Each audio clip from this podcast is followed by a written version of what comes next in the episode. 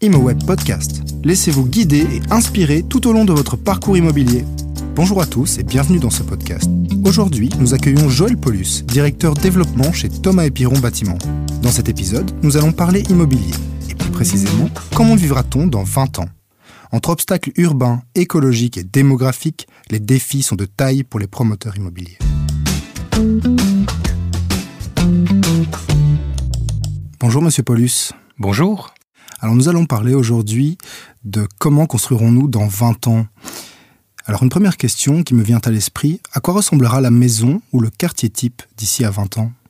Je pense que dans les 20 prochaines années, on va accentuer euh, la manière dont on développe déjà aujourd'hui ces quartiers de, demain ou les quartiers qui vont arriver tout prochainement euh, sur le marché. C'est-à-dire qu'on n'envisage plus maintenant l'habitation comme quelque chose d'indépendant et d'hermétique à son environnement on va de plus en plus prendre euh, toute l'importance, toute la mesure de la bonne intégration de ce projet d'habitat dans le tissu dans lequel il vient s'intégrer. Ça veut dire effectivement qu'on ne va plus penser à la résidence à appartement, à développer simplement le long d'une voirie euh, existante. On va penser à la connecter à son environnement, à ses commerces existants, à ses lieux de vie existants. Et pour les projets d'envergure plus importante, on va penser à ces lieux de vie. On va penser à tout ça qui doit entrer en interconnexion avec le tissu urbain existant. Alors vous parlez d'interconnexion, c'est vrai qu'on parle beaucoup de maisons kangourous, cohabitation, jardins partagés. Est-ce que cet aspect de partage va finalement perdurer dans les années à venir? Nous avons la conviction qu'effectivement ça va s'accentuer. Ça ne veut pas dire qu'on va tout partager tout le temps.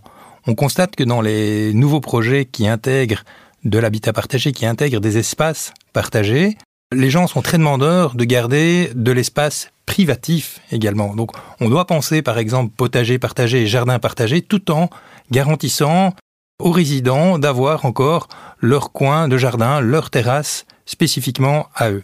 À côté de ça, quand vous parlez de, de partage, nous pensons de plus en plus également à une thématique qui, euh, qui vient s'inviter dans chacun des grands développements, c'est la mobilité. Donc là, euh, Thomas Piron Bâtiment a la chance d'avoir déjà pu réaliser et avoir à son actif ainsi des premiers euh, projets au sein desquels nous avons noué un partenariat avec la société Cambio qui nous permet de proposer de la mobilité partagée également. Ceci va dans le sens qui est généralement souhaité aujourd'hui par les autorités de voir diminuer le nombre de véhicules sur nos routes. Et c'est vrai que c'est quelque chose d'assez compliqué quand, parallèlement à ça, on doit augmenter l'habitat. Donc la possibilité d'offrir non seulement à nos résidents, mais également à tous les voisins directs de ce genre de projet un véhicule à usage partagé, incite généralement à cette démarche d'abandonner le deuxième véhicule familial. Et qu'est-ce qui vous guide dans le choix de l'emplacement pour une nouvelle résidence ou un nouveau quartier? Alors bien évidemment, la centralité du site, sa proximité avec une gare fréquentée idéalement, et euh, la proximité avec toute une série de services, de commerces, de lieux où on travaille, où on se détend, c'est dans ce contexte-là que euh, chez Thomas Piron, on a fait vraiment aussi une marque de fabrique avec de grands projets qui sont menés dans ces cas-là sur le long terme. C'est évidemment pas des choses qu'on arrive à réaliser juste en 2-3 ans. Ça, met bien souvent plus de 10 ans entre euh, les premières esquisses et euh, la finalisation du projet. Je pense à Louvain-la-Neuve, tout le quartier Courbevoie qu'on a mené Thomas Piron avec B6 Thread, mais également, je pense, dans le futur, aux nouveaux quartiers, je parle presque au pluriel, c'est tous les nouveaux quartiers qui vont arriver autour de la gare de Jean-Blou c'est que la ville de Jean-Blou a adopté un périmètre de remembrement urbain au sein duquel nous sommes également pour le moment en train de développer euh, de tout nouveaux quartiers de logement. À côté de ça, dans des tailles parfois plus restreinte, mais euh, voilà, à proximité de, de la gare de Rixensart. Nous sommes également avec un projet pilote bas carbone, euh, dont on espère euh, pouvoir proposer les biens à l'acquisition euh, d'ici un an, une fois que les autorisations nous auront été délivrées. Et évidemment, plus près de, nos, de notre centre névralgique à Namur, là aussi, on est sur des projets en hyper-centralité, sur tout le quartier, dit des anciennes casernes, à côté du palais de justice. nous avons là, dans le cadre d'un partenariat public-privé, également euh, toute une série de, de, logements qui sont euh, proposés à côté de commerces, euh, au-dessus de parkings rotatifs et de parkings privés mixtes à côté d'un parc. Donc là, on réunit vraiment dans un projet qui devient un microcosme des lieux de vie, des lieux où on dort, des lieux où on s'amuse, des lieux où on travaille, et tout ça à proximité de moyens de communication efficaces, idéalement de gare, comme ça l'est à Jean-Blou, comme ça l'est à Namur, comme ça l'est à Louvain-la-Neuve, euh, comme ça l'est à Rixensart, bref, toute une série de, de projets qui ont cette forte valeur qui permet en même temps aux futurs habitants de se projeter dans une vie sans une voiture personnelle. C'est-à-dire que c'est toujours possible, des parkings sont prévus par rapport à cela, mais on a de plus en plus de demandes également de gens qui disent vouloir abandonner ce véhicule personnel. Ça correspond à une nouvelle demande qui n'est pas toujours bien perçue, pour laquelle on a parfois aussi certaines craintes qui sont émises par les voisins ou par euh, les politiques en présence. Et pourtant, ça correspond effectivement aussi à un besoin, c'est de diminuer donc la présence de ces voitures sur le réseau routier. Alors ces villes et ces quartiers évoluent et on voit fleurir des quartiers durables, encore appelés quartiers verts. Est-ce une tendance qui va durer?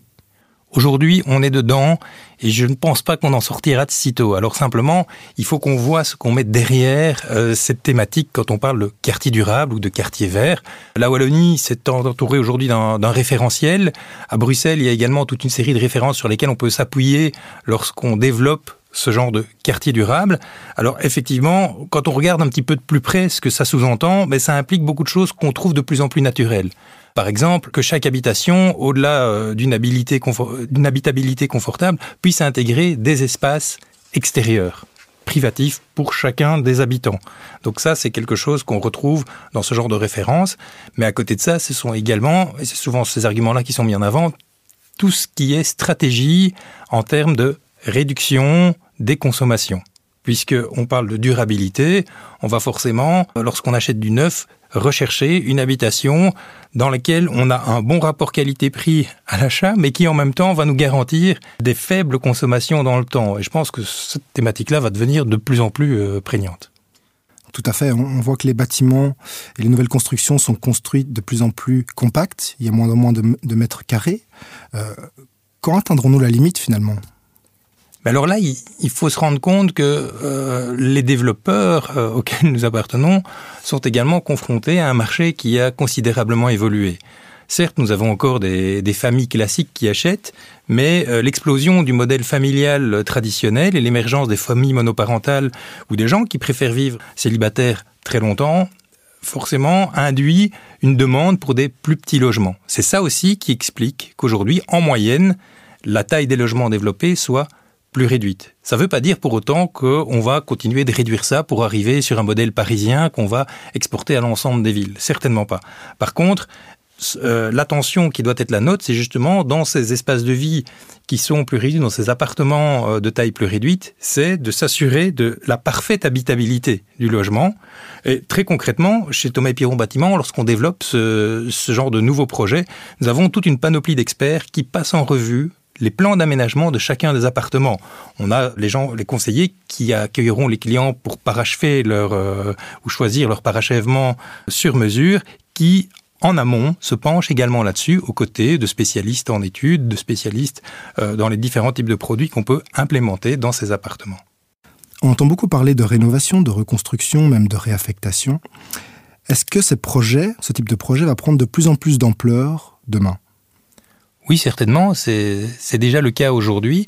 On ne peut pas envisager aujourd'hui de, partir euh, sur un projet de rénovation ou de démolition-reconstruction sans s'être posé les bonnes questions par rapport à l'état du bien existant et par rapport au potentiel qu'il y a sur le terrain sur lequel est bâti le, bâtiment existant.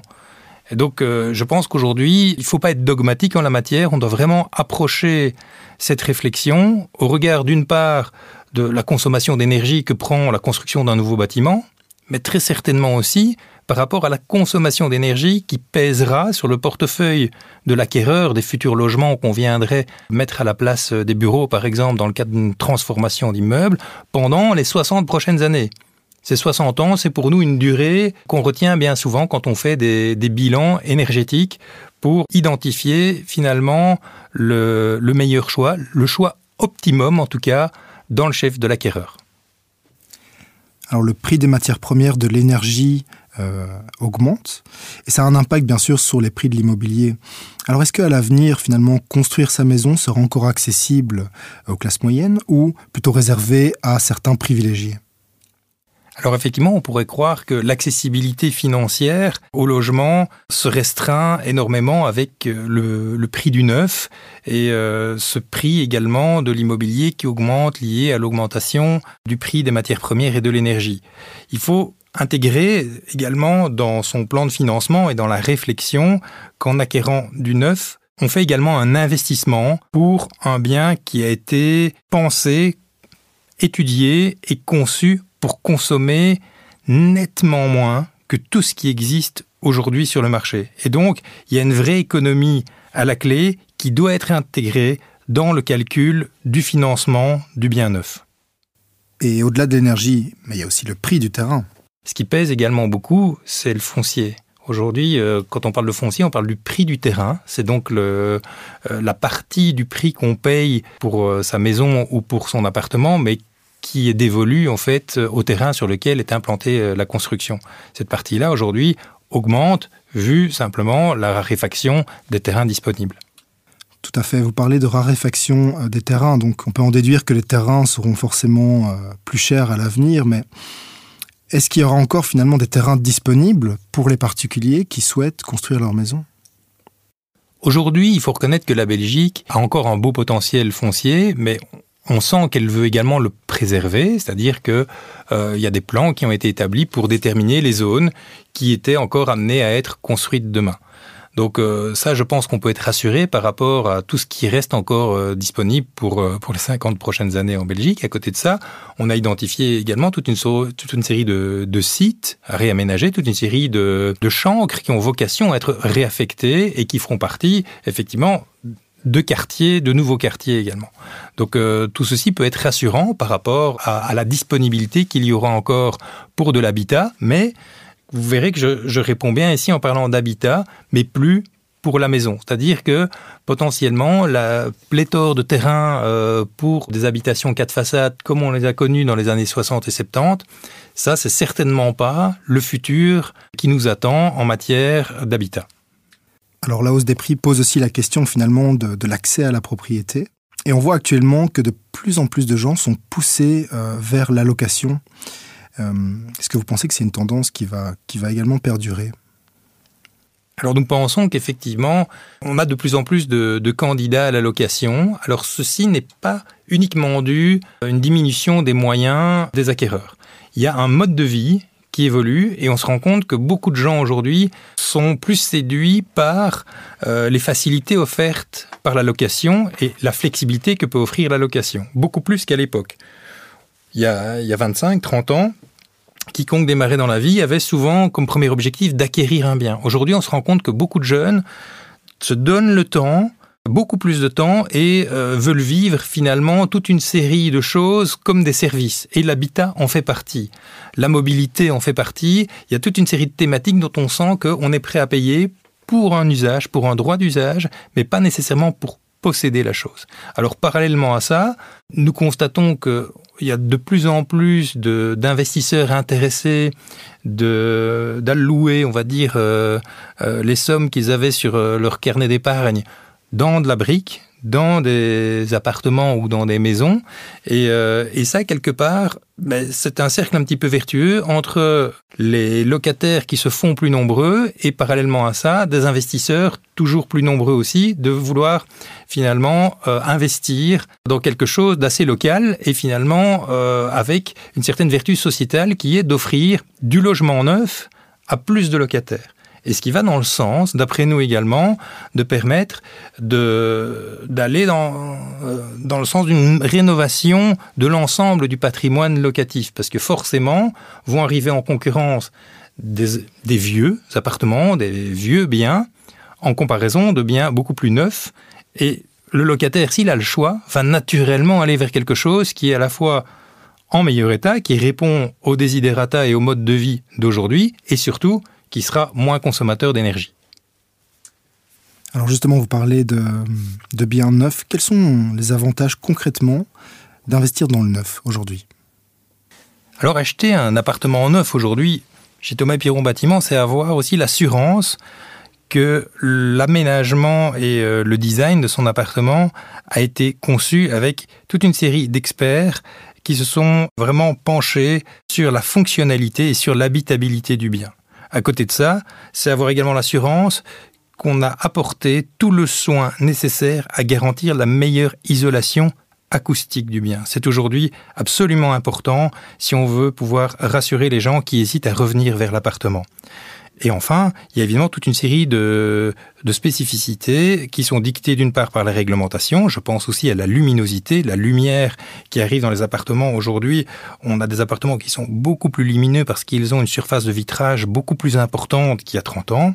On a aussi l'assurance d'avoir euh, des locaux vélos en suffisance pour pouvoir également utiliser son vélo, non pas pour une balade hebdomadaire, mais bien pour un usage au quotidien.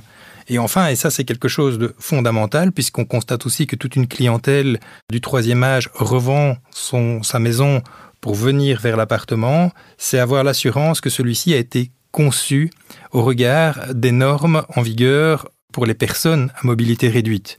Chez Thomas et Piron, nous nous entourons, dans, dans le cadre d'un partenariat, de l'ASBL plein pied, qui supervise et qui screen l'ensemble des projets avant que ceux-ci ne soient soumis à permis d'urbanisme pour garantir que nous sommes parfaitement conformes à l'accessibilité pour ces personnes à mobilité réduite. Je dirais que investir dans le neuf, certes, ça coûte un petit peu plus cher que ce qu'on va retrouver sur le marché secondaire, mais ce surcoût va être amorti assez rapidement lorsqu'on va mettre au regard l'ensemble des économies qu'on va pouvoir faire, euh, que ce soit au niveau des consommations énergétiques, que ce soit au niveau des charges qui vont peser également sur la copropriété et qui finalement incombent aux propriétaires et ou aux locataires. En Wallonie, tous les logements neufs doivent désormais être construits aux normes CUSEN, quasi zéro énergie. La construction économe en énergie est aujourd'hui la norme. Mais jusqu'où peut-on aller? C'est une bonne question. Euh, je crois qu'il faut aller vers euh, ce que nous appelons l'optimum énergétique et économique. On a la conviction que vouloir aller extrêmement loin, non seulement euh, dans les consommations, mais en plus dans la qualité de matériaux éventuellement biosourcés ou autres, à ce moment-là, on va arriver à un investissement et à un coût de la construction qui va exploser au regard des économies qu'on pourrait encore y faire. Nous pensons aujourd'hui, avec des normes telles que le CUSEN, être arrivé à quelque chose qui correspond à cet optimum économique et écologique finalement. Il n'est pas impossible, effectivement, techniquement, d'aller plus loin, mais à ce moment-là, attention à la réduction de l'accessibilité financière du prix de la construction. Nous pensons, en arrivant à Scusen, avoir atteint quelque chose qui correspond peu ou prou à cet optimum. Alors à Bruxelles, les propriétaires devront disposer d'ici 2025 d'un certificat PEB et les mauvais élèves pourront ou devront remettre leurs biens aux normes énergétiques. Alors on parle de primes à la rénovation, de réduction de la TVA, mais est-ce que ces mesures seront suffisantes pour cet effort qui se veut collectif? Alors, euh, bien malin, celui qui pourra dire quelles sont euh, les mannes financières que le public allouera euh, à ces politiques pour aider les propriétaires à rénover, transformer leurs biens. Moi, je pense que la question, elle doit s'élargir et aller au-delà de la question strictement financière. Je n'ai pas la conviction que l'ensemble des propriétaires a vocation à se transformer aujourd'hui euh, en rénovateurs d'habitat. Et donc, il est indispensable également, au-delà des moyens financiers, c'est de proposer euh, à l'ensemble des, propriétaires, si la réglementation évolue vers quelque chose de plus contraignant, eh bien d'offrir euh, des services qui les aident dans cette transition, dans cette transformation.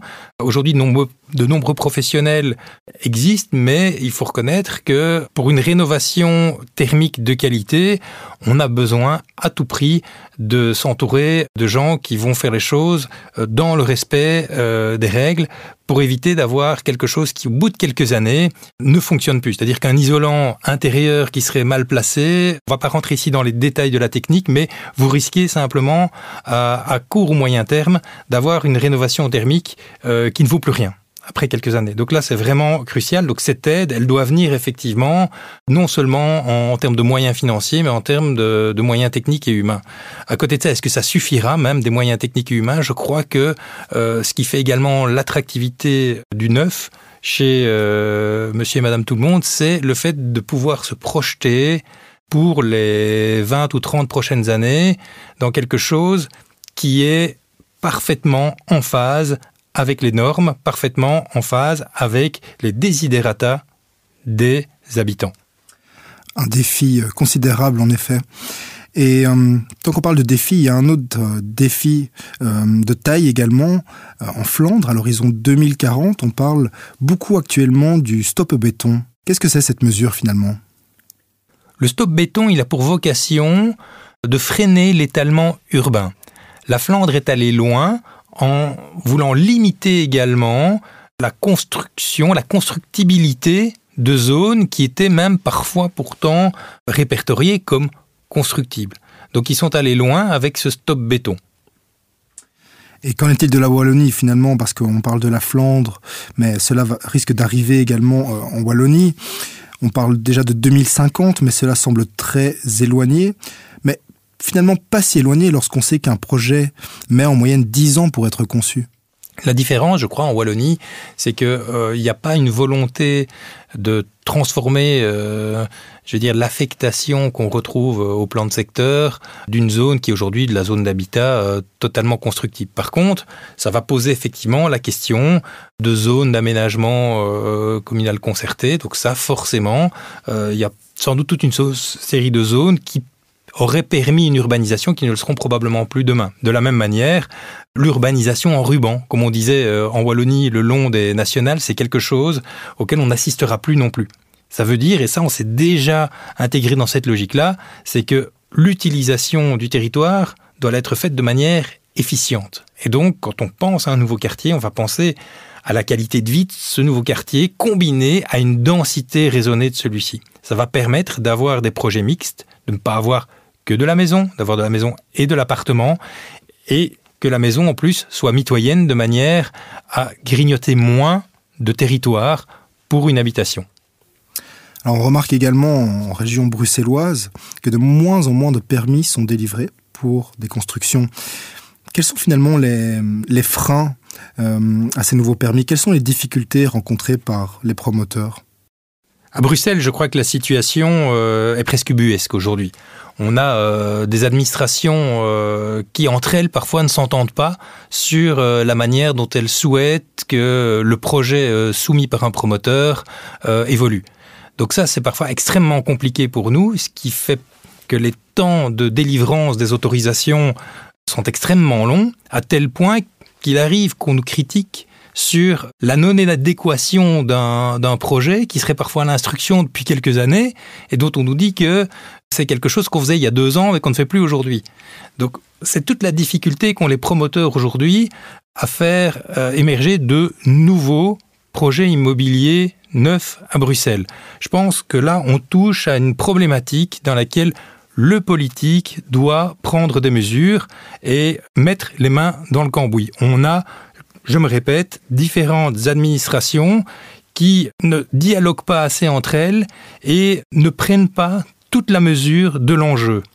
Aujourd'hui, on a moins de biens neufs qui arrivent sur le marché et la demande reste extrêmement forte. Donc forcément, les prix s'envolent. Et ça, c'est quelque chose de simple à comprendre qui nous paraît être un vrai sujet dont doivent s'emparer les politiques au pouvoir.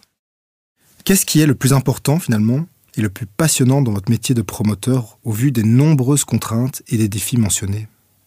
Alors effectivement, c'est vrai que prises séparément, euh, les différentes contraintes euh, qu'on a pu évoquer ensemble aujourd'hui peuvent paraître parfois insurmontables lorsqu'on combine euh, les difficultés techniques, euh, les difficultés euh, environnementales, politiques également. Il ne faut pas se leurrer pour aller chercher des autorisations administratives pour un projet quel qu'il soit, de petite taille ou d'envergure. C'est parfois un vrai parcours du combattant. Néanmoins, je trouve que j'ai une grande chance de faire ce, métier de développeur immobilier, de développeur de, nouveaux quartiers. C'est une chance quand je passe dans un quartier réalisé, dans un projet, euh, et je repense effectivement à toutes ces difficultés qui ont été les nôtres, notamment parfois en matière d'intégration entre ce nouveau quartier qui allait arriver, qui était vu comme une menace parfois par les habitants euh, du coin, par les riverains, et quand on se rend compte que on a réussi quelque chose.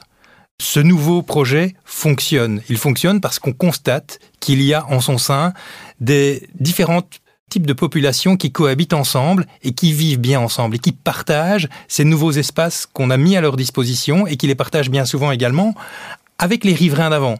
C'est encore plus vrai quand on a apporté quelque chose dans ce nouveau quartier, que ce soit un commerce de proximité, différents services qui permettent à ce nouveau quartier, à ce nouveau projet de rayonner dans son envergure.